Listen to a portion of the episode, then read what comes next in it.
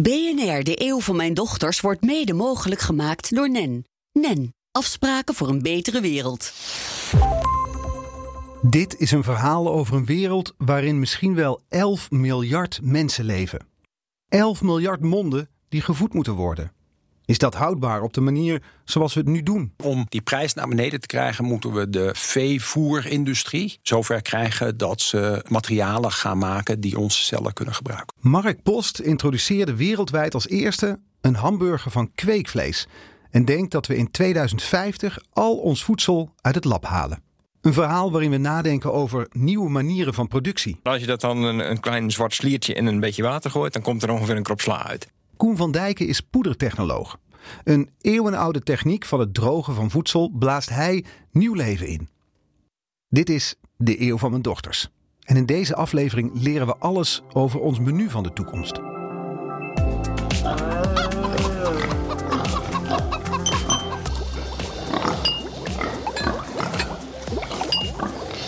Mijn tos is heel lekker. Mijn tweelingdochters Puk en Keesje zijn 2,5 jaar oud. Het zijn kinderen van de 21ste eeuw. Een eeuw waarin alles in beweging is. We leven niet in een tijdperk van verandering, maar in een verandering van tijdperk. Dit is de eeuw van mijn dochters.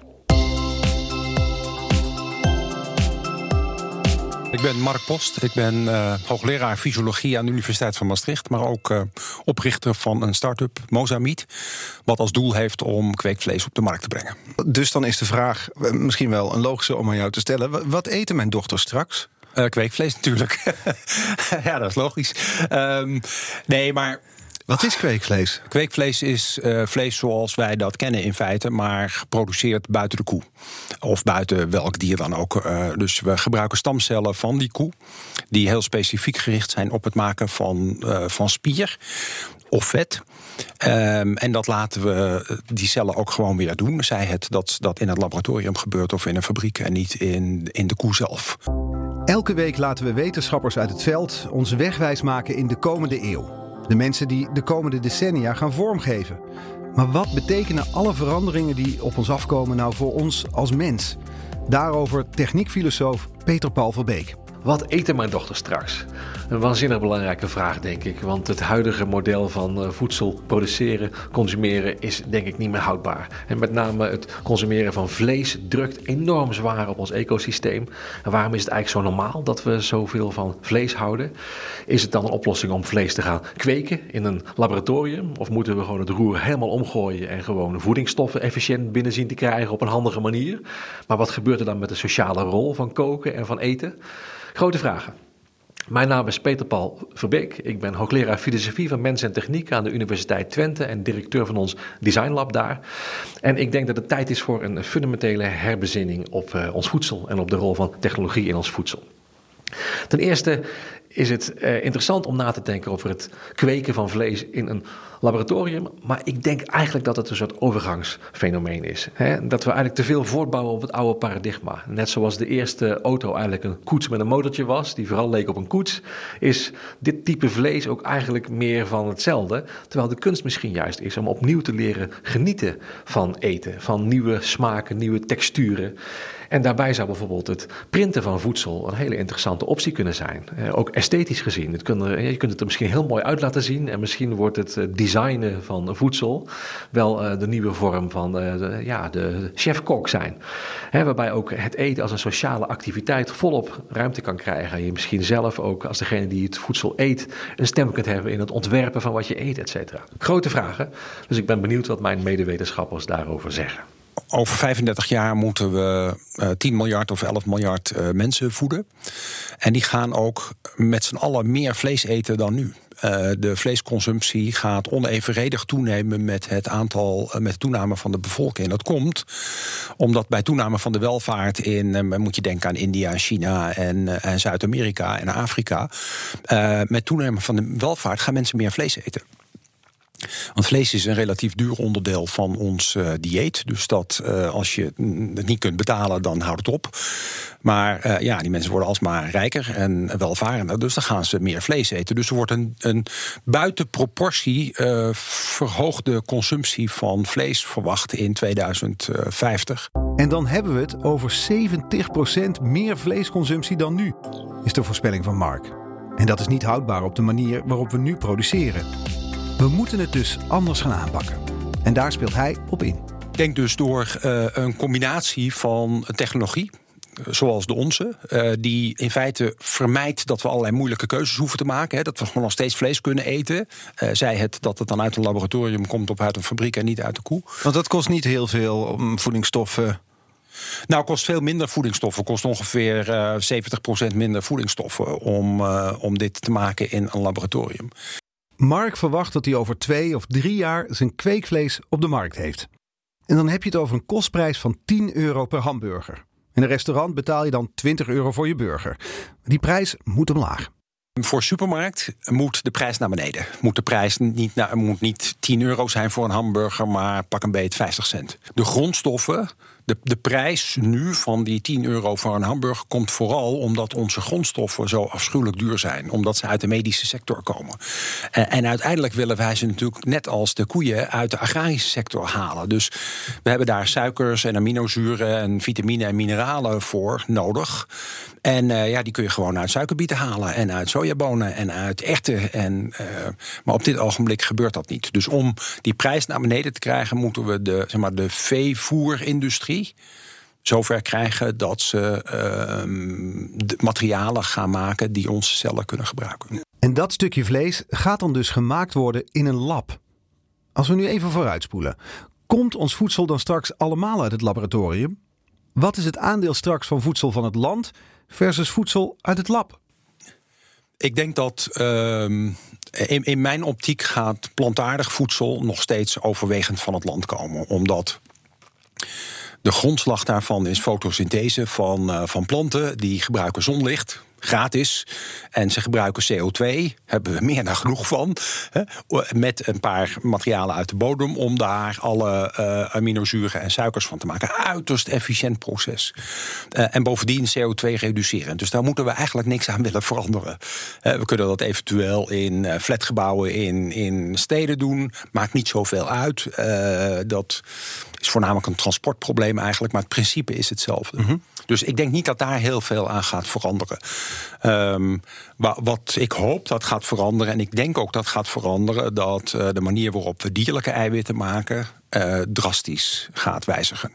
Want dat heeft gewoon te veel negatieve gevolgen. En we kunnen ook niet voldoende produceren. Dus drastisch wijzigen betekent meer uit het laboratorium, minder van het land. Ja, ja, wat mij betreft volledig uit het laboratorium en niet meer van het land. Zo, dat is nogal een stelling. Moet ik even op me laten inwerken. Ik snap dat hij dit vanuit zijn positie zegt, maar ik vraag me dan toch af hoe we dat gaan doen. Bovendien wil ik mijn lekkere stukje biefstuk uit de pan met een klontje boter nog niet missen om uh, zo'n grote hoeveelheid vlees en kip en, en uh, varkensvlees en vis te maken, moet je een enorme industrie optuigen die er op dit moment niet is. En bovendien moet je de, ik, noem het maar even de massa, maar je moet een massale hoeveelheid mensen meekrijgen die dit gaat uh, gaan eten. Dus dat kost gewoon tijd. Dat kost 20, 30 jaar. Uh, maar dus in 2050 zou dat best eens zover kunnen zijn, ja. 2050 komt ons vlees grotendeels of misschien wel geheel uit het lab, niet meer van het land. Dat denk ik, ja. Dat denk ik. Er zijn natuurlijk wel een paar voorwaarden voor. Hè? Dus mensen moeten het accepteren en moeten dit als volwaardig alternatief zien voor het vlees wat ze normaal eten. Um, en het moet uh, tegen een voldoende prijs, tegen een voldoende lage prijs gemaakt kunnen worden. Dat zijn de twee voorwaarden. Maar als, die, als daaraan voldaan is, dan uh, zie ik geen toekomst waarin uh, er nog een plek is voor gewoon vlees uit veeteelt, eerlijk gezegd. En dat zijn nog wel twee hele belangrijke voorwaarden volgens mij. We zullen het zien. Ik ben benieuwd. De boer als kweekvleesproducent of als belangrijke grondstofleverancier voor dat lapje kweekvlees. Of bouwen we hiermee te veel voort op het oude paradigma wat Peter Paul ons voorspelde? Moet het niet nog radicaler om al die 11 miljard mensen te kunnen voeden? Moeten we niet naar een pil om onze honger te stillen? Ja, dat zou kunnen. Die, uh, die ontwikkelingen zijn er natuurlijk al. Uh, niet zozeer een pil, maar uh, er is een, een drankje. Uh, Soylent, dat is in Amerika op de markt. En dat, hier in Nederland is er ook mee geëxperimenteerd. Uh, zijn halve liter flesjes met alle eiwitten en uh, suikers en vitamine en mineralen die een mens nodig heeft. In de smaken aardbei, chocola en vanille. Um, en dan moet je vijf van die drankjes drinken, vijf van die flesjes voor een dag. En dan ben je, ben je ja, klaar. Voldaan, ben je klaar. Um, dit is met name bedacht door uh, nerds in San Francisco... die eigenlijk gewoon liever niet uh, weg wilden lopen van hun computer. Ja. En dachten, voor, voor, eten en voor uh, socialiseren. Kost alleen maar tijd. en dan, ja, moeder, dat kan toch beter. Um, en daar zitten twee nadelen aan. Twee belangrijke nadelen, denk ik. Eén is dat, nou ja, voor iedereen is duidelijk... dat eten, gezamenlijk eten, een enorm sociaal aspect heeft. Hè. Ehm, het is heel fijn om in een omgeving met andere mensen te eten. Want als je even niks te zeggen hebt, dan kun je tenminste een hap nemen. En daarna kun je gewoon weer door. Het is eigenlijk een soort van katalysator van, van uh, sociale interactie. Uh, en dat moeten we ook vooral zo houden, denk ik. Um, het tweede probleem blijkt bij die, uh, bij die drankjes dat mensen koubehoefte hebben. Dus op een gegeven ogenblik, ja, ik moet nou toch wel kauwgom gaan eten. Wat anders dan. dan dat is wel oplosbaar natuurlijk. Maar ik denk dat het, het sociale aspect daar, uh, ik denk dat dat ons er enorm van weerhoudt om over te gaan tot het nemen van pillen of tot het drinken van drankjes, zonder dat we daarmee met anderen hoeven uh, om te gaan. Dan wil ik de druk niet te veel op je schouders leggen, maar er hangt toch wel veel vanaf van wat jullie aan het doen zijn. Ja, ja, nou dat denk ik ook. Kijk, kijk nog als, als dit niet zou lukken, dan uh, wordt vlees duur en schaars en dan, uh, dan eten we gewoon minder. Dat is op zichzelf ook prima, denk ik. Uh, wat een beetje mijn angst is, is dat als het duur en schaars wordt, dan wordt de reden om meer te gaan produceren wordt sterker. Als je dit aan de markt overlaat, dan, dan gaan ze gewoon meer produceren. En dat kunnen we nou net niet hebben. Dat, dat gaat de voedselketen behoorlijk uit, uit evenwicht brengen. U luistert naar BNR, de eeuw van mijn dochter. En in deze aflevering leren we alles over ons menu van de toekomst. Mijn naam is Koen van Dijken. Ik werk bij Danone Nutritia in Utrecht als Principal Process Technologist. Wat eigenlijk een duur woord is voor poeder-expert of droogtechnoloog. En ik werk daar samen met mijn collega's in het innovatiecentrum van Danone aan eigenlijk de ja, het, begrijpen van wat er gebeurt als je, als je voedingsmiddelen of producten um, bewerkt. Dus verhit of mixt of mengt of droogt, dan in mijn geval vooral. Om, om te begrijpen wat er in het product gebeurt op moleculair niveau. En op die manier dus de bewerking ehm, eigenlijk slimmer te gaan doen. Dus procesinnovatie te bewerkstelligen. Dat klinkt fascinerend. Poederexpert en droogtechnoloog. Benieuwd wat hij denkt dat er in 2050 op het bord van mijn dochters ligt. Ik denk dat het wat gevarieerder is dan dat we nu hebben. Geef eens dus, een voorbeeld. Wat kan er allemaal op liggen? Nou, als je bijvoorbeeld kijkt, dan vooral naar mijn vakgebied. Als je kijkt naar, naar gedroogd voedsel. Dat is uh, aan zich, om iets te drogen, kost veel energie. Dus dan moet je zeggen, dat moet je niet doen. Maar de voordelen van gedroogd voedsel is dat je het eigenlijk heel makkelijk uh, lang houdbaar hebt. Het is een hele natuurlijke manier van conserveren, eigenlijk drogen. Dat werd vroeger al gedaan. En als je dus het water uit je voeding haalt, dan um, blijft het veel langer houdbaar, zonder dat je bijvoorbeeld gekoeld transport nodig hebt. Mm -hmm. Of uh, je kan ook heel makkelijk uh, pakken wat je nodig hebt. Dus verspilling is eigenlijk van gedroogd voedsel eigenlijk niet aan de orde. Mm -hmm. ja, als, je, als je thuis macaroni maakt, dan pak je hoeveel je, je wil uit je gedroogde macaroni pak. Dat maak je klaar in je gerecht. En de rest bewaar je gewoon heel makkelijk. Niet in de koelkast of wat dan ook, staat gewoon in het pak. Dus ik denk dat we qua gedroogd voedsel uh, wat meer moeten gaan, uh, gaan uh, ja, accepteren, als het ware, om, te, om gedroogd voedsel te gebruiken in onze, in onze gerechten. Omdat het eigenlijk, als je kijkt naar puur verse ingrediënten, wat natuurlijk bij veel mensen toch leeft als ja, je wil verse ingrediënten en dat is het beste. Als je kijkt naar de impact op planeet, is dat niet altijd het beste. Als je kijkt wat het verse voedsel aan, aan een hele traject doorgaan heeft. Hè. Je, een appel bijvoorbeeld, die, die, die, die groeit aan een boom. Nou, dat kost al wat, wat energie en dat heeft wel impact op, op, op de planeet om die zo ver te laten groeien op een gave en, en goede manier. Dan moet die geplukt worden, dan moet die verpakt worden, getransporteerd, misschien wel gekoeld. Ligt in de supermarkt, ga hem kopen. Verwerk je hem misschien ergens in of eet je hem op? Of niet, en hij bederft en je, in je fruitschaal en je gooit hem weg. Dus als je in heel die keten kan eh, kijken hoe we, hoe eh, slimmer met, met producten om kunnen gaan. Door bijvoorbeeld iets te drogen. En dan moet je dat wel op een efficiënte manier doen. Dus dat is vooral mijn werk. Wat is nu een efficiënte manier van drogen? Maar de voordelen van een gedroogd product, product zijn natuurlijk heel, eh, heel, heel helder. Omdat het langer meegaat, langer houdbaar is, et cetera. Maar, Ja, hoe, maar hoe, ziet een, hoe ziet een, dat gedroogde voedsel, hoe ziet het eruit? Dus in 2050, mijn dochters, die, die leggen Ja. wat op hun bord. Gedroogde groenten, gedroogde pff, aardappel. Nou, ik denk dat je het vooral verwerkt in je, in je gerecht wat je maakt. Hè. Als je het is een poedertje wat ze dan Dat hebben. kan, het kan ook een. een eh, als, je, als je een keer in Japan bent geweest, dan zie je er heel veel gedroogde producten liggen. En, Ik ben er nooit in Japan geweest. Dat is echt, ze drogen daar alles. Je hebt, maar als je dat dan een, een klein zwart sliertje in een beetje water gooit, dan komt er ongeveer een krop sla uit. Dus het is. eh, Zo moeten we het ons voorstellen. nou, ik denk dat dat wel heel hand, een, een hele verbetering kan zijn op hoe we met eh, eh, ja, producten omgaan en de hele keten kijkt. Als je, ook, je hoeft ook geen water te vervoeren als je droogt dicht bij de locatie waar je het oogst. En je vervoert het vervolgens gedroogd. Je kan het makkelijk bewaren. Je pakt wat je nodig hebt, dat los je op in water of dat verwerk je in je, in je gerecht. Hè, als je natuurlijk in de keuken En nu behoudt staat, al zijn voedingsstoffen. ja, alleen je water haal je eruit. En dus er kunnen wat, wat hittegevoelige componenten zitten die minder worden. Dus, maar dat is ook weer afhankelijk van hoe je het droogt. Dus als je dat op een slimme manier droogt, op lage temperaturen, dan kan je daar eh, je voedingsstoffen goed behouden. En heb je uiteindelijk in feite wat, wat je doet met verse ingrediënten als je aan het koken bent in de keuken. Ja, als je boven je pan hangt, dan komt er ook heel veel water uit. Dus daar wordt ook heel veel water eigenlijk uit je product gehaald. En als je dat eerder doet, vervolgens gebruik je het gedroogd in je gerecht. We doen het ook al heel veel. Hè. Ik denk dat je kruiden bijvoorbeeld zijn allemaal gedroogd. In je kruidenkastje, daar staan waarschijnlijk allemaal potjes met, met eh, gedroogde kruiden. Klopt. Die je vrij lang kan houden. Houdbaar, eh, houdbaar is- houdbaarheid is lang. Dus dat, is een voorbeeld eh, van gedroogd voedsel. Dat is een voorbeeld van gedroogd voedsel. Maar ook de macaroni en de, spaghetti die je gebruikt. Of, of, of van Want zoals je het omschrijft, zoals je het omschrijft, het klinkt ergens als astronautenvoedsel.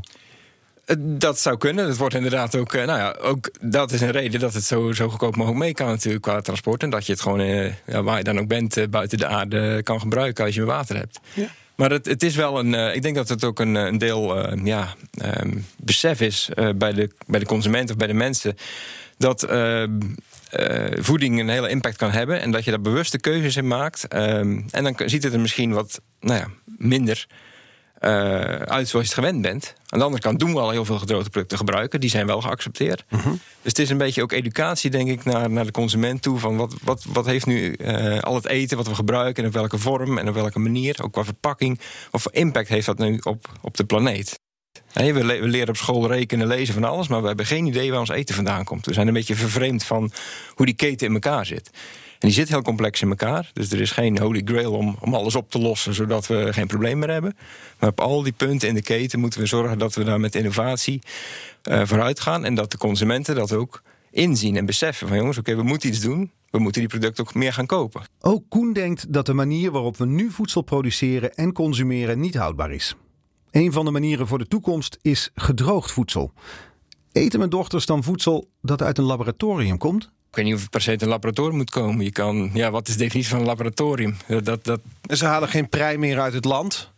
Jawel. Nee, je kan nog steeds wel eh prei. hè, dat is, als je heel de keten bekijkt, je kan nog steeds prei groeien zoals we dat nu doen. Ook daar moet je kijken hoe, hoe, wat is de slimste manier. Wat is de beste opbrengst? Met zo min mogelijk impact op de planeet. Maar vervolgens ga je heel die keten van de prei die daar groeit tot aan je bord eh, optimaliseren. Dus ge- drogen bijvoorbeeld en dan eh, qua transport eh, verminderen. Ik denk ook dat- dat we lokaler moeten produceren. Je ziet nu heel veel dat we eh, de wereld eigenlijk voeden vanuit een paar locaties ter wereld. Vanuit fabrieken van- die, die, die eigenlijk heel de wereld bestrijken. Maar we moeten veel lokaler gaan produceren. Maar je kan niet terug naar iedereen een moestuin achter in zijn tuin. Dat, ja, dat is ook niet realistisch. Daar hebben we ook niet de maatschappij voor. Dus je moet wel naar oplossingen gaan die passen in de huidige tijd. En die het grote probleem van voedselverspilling tegengaan. Want 30% van het geproduceerde voedsel gooien we nu weg. 30%. Bedorven, te veel gekocht, te veel gemaakt. Dat is doodzonde. En dus moeten we een andere mindset creëren, is de stelling van Koen. Ons voedselsysteem moet op de schop. We moeten een soort revolutie hebben. En dat is dat is Revolutie? natuurlijk food revolution. Ik denk dat dat heel, heel En waarom hebben we een food revolution nodig? Omdat we de afgelopen decennia hebben, eh, zijn we de weg een beetje kwijtgeraakt, heb ik het idee. We zijn losgekomen van waar ons voedsel vandaan komt. Het is geoptimaliseerd op, op vooral op kosten en eh, op massaproductie. Maar dat, dat is niet, ja, niet, niet, niet houdbaar meer. We zien overal om ons heen de discussie over klimaat en impact op de planeet. voeding is daar een belangrijk eh, punt in. Waar moet de voedselrevolutie to- toe leiden? Waar moeten we uitkomen? Ik denk dat het, dat het veel ehm, eh, meer, ehm, ja, hoe zeg je dat? Ve- veel meer besef creëren van waar het voedsel vandaan komt. En wat het impact van keuzes van mensen ehm, heeft op, op, die, op de planeet. Of je nou kiest voor biologisch of, of vegetarisch of, of eh, dierenwelzijn. Eigenlijk is het allemaal prima. Zolang je maar zelf eh, daar bewust een keuze maakt. En waarom je die keuze maakt. Er is geen van al die, die dingen is de oplossing. Maar de combinatie ervan, denk ik dat uiteindelijk eh, dat we eruit komen in 2050. Dat al die dingen naast elkaar bestaan, maar dat mensen bewust kiezen voor dat soort producten. Die wellicht wat duurder zijn, maar die wel veel beter voor, de planeet zijn. We hebben dus een voedselrevolutie nodig. Daarin speelt technologie volgens mij ook een grote rol. Ja, ik denk dat technologie een grote rol speelt. Omdat Op wat we- voor manier? Nou, als je kijkt, hè, we, we moeten voedsel bewerken om het überhaupt te kunnen nuttigen op een goede manier. Ehm, als we goed snappen wat die bewerkingen precies doen in het product. Dus als je aan het koken bent thuis, dan ben je ook gewoon je product aan het bewerken. Je bent aan het verhitten, je bent aan het mengen, aan het roeren. Ehm daar gebeurt iets in je product. Als je een ei bakt, dan kan je het heel duidelijk zien dat daar iets verandert op moleculair niveau. Ehm, ehm, eh, ja, dat, dat, dat, dat, Je ziet er iets veranderen. Ja, je ziet er iets veranderen en dat is een, een, eigenlijk gewoon een chemisch of fysisch proces. Als we dat goed snappen, dan kunnen we de dingen die we met het voedsel doen om het te bewerken veel efficiënter inrichten naar eh, ja, wat, wat de bedoeling is in het product om te veranderen. Dus eh, als je aan het drogen bent, dan, dan haal je het water eruit. Maar dan, ja, je wil eigenlijk ook zorgen dat, eh, dat je product misschien niet ehm, er heel vreemd uitkomt te zien. Of in het geval van, van poeder, van babymelk, is dat je eh, wil zorgen dat je heel goed controleert hoeveel je dan doseert in je flesje melk. Hè, als je je baby wil voeden. Dus die kwaliteitsaspecten en de dingen die daar van belang zijn op wat we uiteindelijk nodig hebben voor het product. Die, die beïnvloed je met een proces, met een, met, een- met een bewerking. En die bewerking die kan je aanpassen als je goed snapt wat je doet in het product. Ik zit dan naar je te luisteren en dan denk ik, ja, jij beschouwt voedsel als brandstof voor het lichaam. Maar voedsel is natuurlijk ook beleving. Het is ook emotie, iets wat op je bord ligt. En ik zit straks dan naar een bord te kijken waar wat poeder op ligt. Ik gooi er wat water bij en dat is dan mijn eten. Nou ja, ik denk dat je daar een terecht punt hebt. Voeding is natuurlijk ook een groot deel beleving. Maar die beleving is ook iets wat, waar, we, eh, waar we in kunnen veranderen. En beseffen wat voor impact het heeft. Als je, natuurlijk, als je naar een restaurant gaat en je wil, je wil daar een deel ook gewoon zien wat er op je bord ligt. En eh, hoe het gepresenteerd wordt, is heel erg belangrijk. Maar we gaan niet elke dag naar een restaurant. Dus, dus combineer dat ook met, met andere uitersten. Wat ze in Japan bijvoorbeeld heel erg goed doen denk ik, is dat ze dus inderdaad die gedroogde producten hebben. Waar, nou ja, als ik er naar kijk, denk nou, het ziet er een beetje vreemd uit. Maar goed, het, het smaakt prima en je kan het prima verwerken in, in, producten. En aan de andere kant heb je in Japan ook de heel erg onbewerkte voedsels. Hè? Een, een, rauwe vis, dat is natuurlijk eigenlijk direct, zonder enige bewerking wordt dat, wordt dat genuttigd. Dus die combinatie van de twee, dat, dat, dat zie ik in Japan wel heel erg naast elkaar leven. Dus niet bang zijn voor het ene, maar ook zeker niet de beleving of de, de, de emotie van voeding eruit halen. De combinatie kan prima met elkaar eh, door één deur, denk ik. Alleen je moet het afwisselen. Een beetje dynamic food.